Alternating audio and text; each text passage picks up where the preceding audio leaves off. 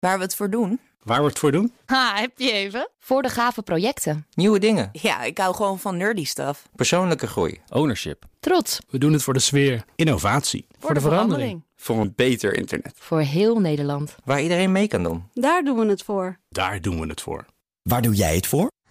Kom werken voor KPN en groei op jouw manier. Check de actuele vacatures op het gebied van data, security, development en networking op jobs.kpn.com/tech. Wetenschap vandaag. En we blijven even bij sport, want zonder publiek verdwijnt het thuisvoordeel in voetbalwedstrijden. Dat bleek ongeveer een jaar geleden uit onderzoek. Maar een nieuw onderzoek laat iets heel anders zien. Het thuisvoordeel blijft, maar het gedrag van de scheidsrechters, dat is wel anders. Dat is erg interessant. Carlijn Meinders, eh, onze wetenschapsredacteur, goedemiddag. Goedemiddag. Komt dit nou omdat ze meer data hebben? Uh, meer data speelt zeker mee. Je hebt uh, meer vergelijkingsmateriaal natuurlijk. Uh, en het is natuurlijk een, een, populair vraagstuk, maar super moeilijk te onderzoeken. Dat bevestigt ook Fabian Wunderlich van de Deutsche Sporthochschule in Keulen en het Instituut für Trainingswissenschaft und Sportinformatik. Ganz schön. I just can't go and say, okay, Bundesliga or, or Premier League. I would like you to do uh, a few hundreds of matches without spectators because we would like to do an experiment. They're not going to do it, of course. But yeah, then COVID 19 came into our life and it brought a lot of negative stuff. But it also brought some, some nice aspects to researchers because it gives us what we call a natural experiment. Nou, dat is een van de weinige voordelen van de pandemie, lijkt me. Ja, ja, en dat geldt natuurlijk voor meerdere wetenschapsgebieden. Het komt zelden voor dat zoveel mensen in dezelfde situatie zitten tegelijk. Levert allerlei mogelijkheden voor onderzoek op. En in dit geval dus naar thuisvoordeel in het voetbal. Ja, het is natuurlijk enorm veel besproken, hè, dat thuisvoordeel. Uh, zeker ook ja. bij supporters. De thuisfluiter is natuurlijk ook bekend. Dat is dan die scheidsrechter. Ja. En dat is natuurlijk interessant. Maar hoe hebben ze het nou precies aangepakt, Carlijn? Uh, ze hebben uh, de data van een flinke stapel wedstrijden bekeken. So it's more than 1000 matches without spectators from the 1920 season. Um, in total we have more than 35,000 professional matches from the same leagues um, across the last 10 seasons, um, mainly with spectators, of course. And in addition, we have more than 5,000 uh, amateur matches that we took kind of as a robustness check. Dat zijn een hoop wedstrijden, duizend professionele wedstrijden zonder publiek. Meer dan 35.000 met dus. Welke competities ja. hebben het dan over? En werden deze wedstrijden gespeeld? Ze hebben de tien, uh, tien van de grootste landelijke Europese competities bekeken. Engeland meegenomen, Duitsland, Italië, Spanje. Nederland niet. Oh. Uh, dat had uh, volgens de onderzoekers iets te maken met een onderbreking van het seizoen. Dus ze konden oh, in ieder geval de ja. data niet goed gebruiken. Ja, we hebben vorig jaar natuurlijk we zijn gestopt en we zijn nooit meer begonnen in Nederland. Ja. Oh ja. ja. Ja, precies. En uh, dus een flink aantal amateurwedstrijden nog ernaast als soort controlegroep. Want daar is sowieso uh, weinig thuisvoordeel. Ja, er zit nooit publiek. iemand. En uh, weinig publiek inderdaad. En weinig reistijd ook bijvoorbeeld.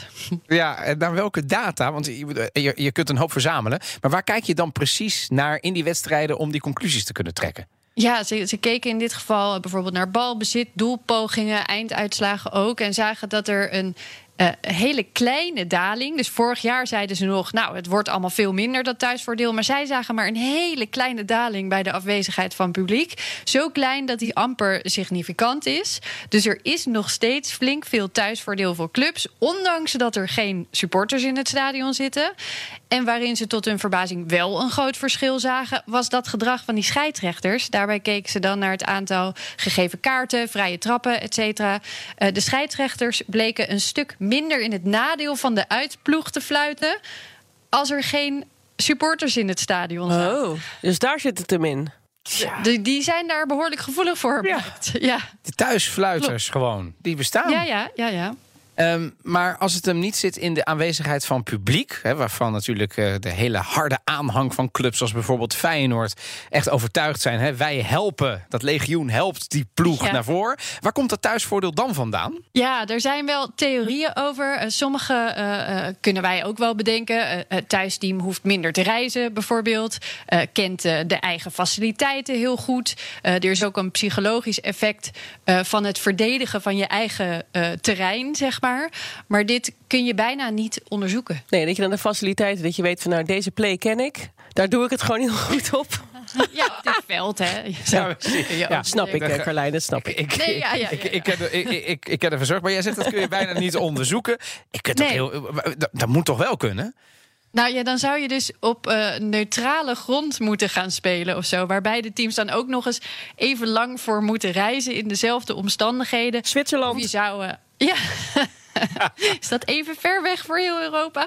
Of je zou dus, eh, als je bijvoorbeeld alleen naar het effect van reizen zou willen kijken, zou je nog kunnen denken: Nou, dan moet het thuisteam voor de wedstrijd ook even lang in een bus gaan zitten als de ploeg die eh, daarheen komt. Maar ik gok zo dat professionele teams wel iets beters te doen hebben dan meewerken aan zo'n experiment.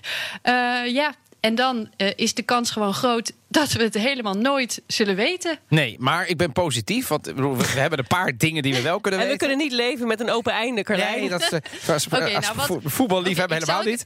Wat kunnen we voor harde conclusies? Ja. Nou, wat- de harde conclusie volgens deze onderzoekers is dus dat thuisvoordeel blijft. Of er nou wel of geen supporters in het stadion zitten. En waar ze nog naar willen gaan kijken is... er is ook nog zoiets als wennen aan het thuiseffect. En een thuiseffect dat gedurende een seizoen verandert. Nou, wat zij ook zeggen, hoe meer data er weer binnenkomt... ook straks als er weer publiek bij zit... hoe eh, beter, hoe harder we die conclusies kunnen maken. Nou, en dat er weer publiek is, daar kijkt iedereen naar uit. Dus hè, het is toch het jaar van perspectief. Dus dan gaan we maar eventjes afwachten. Dankjewel, Carlijn.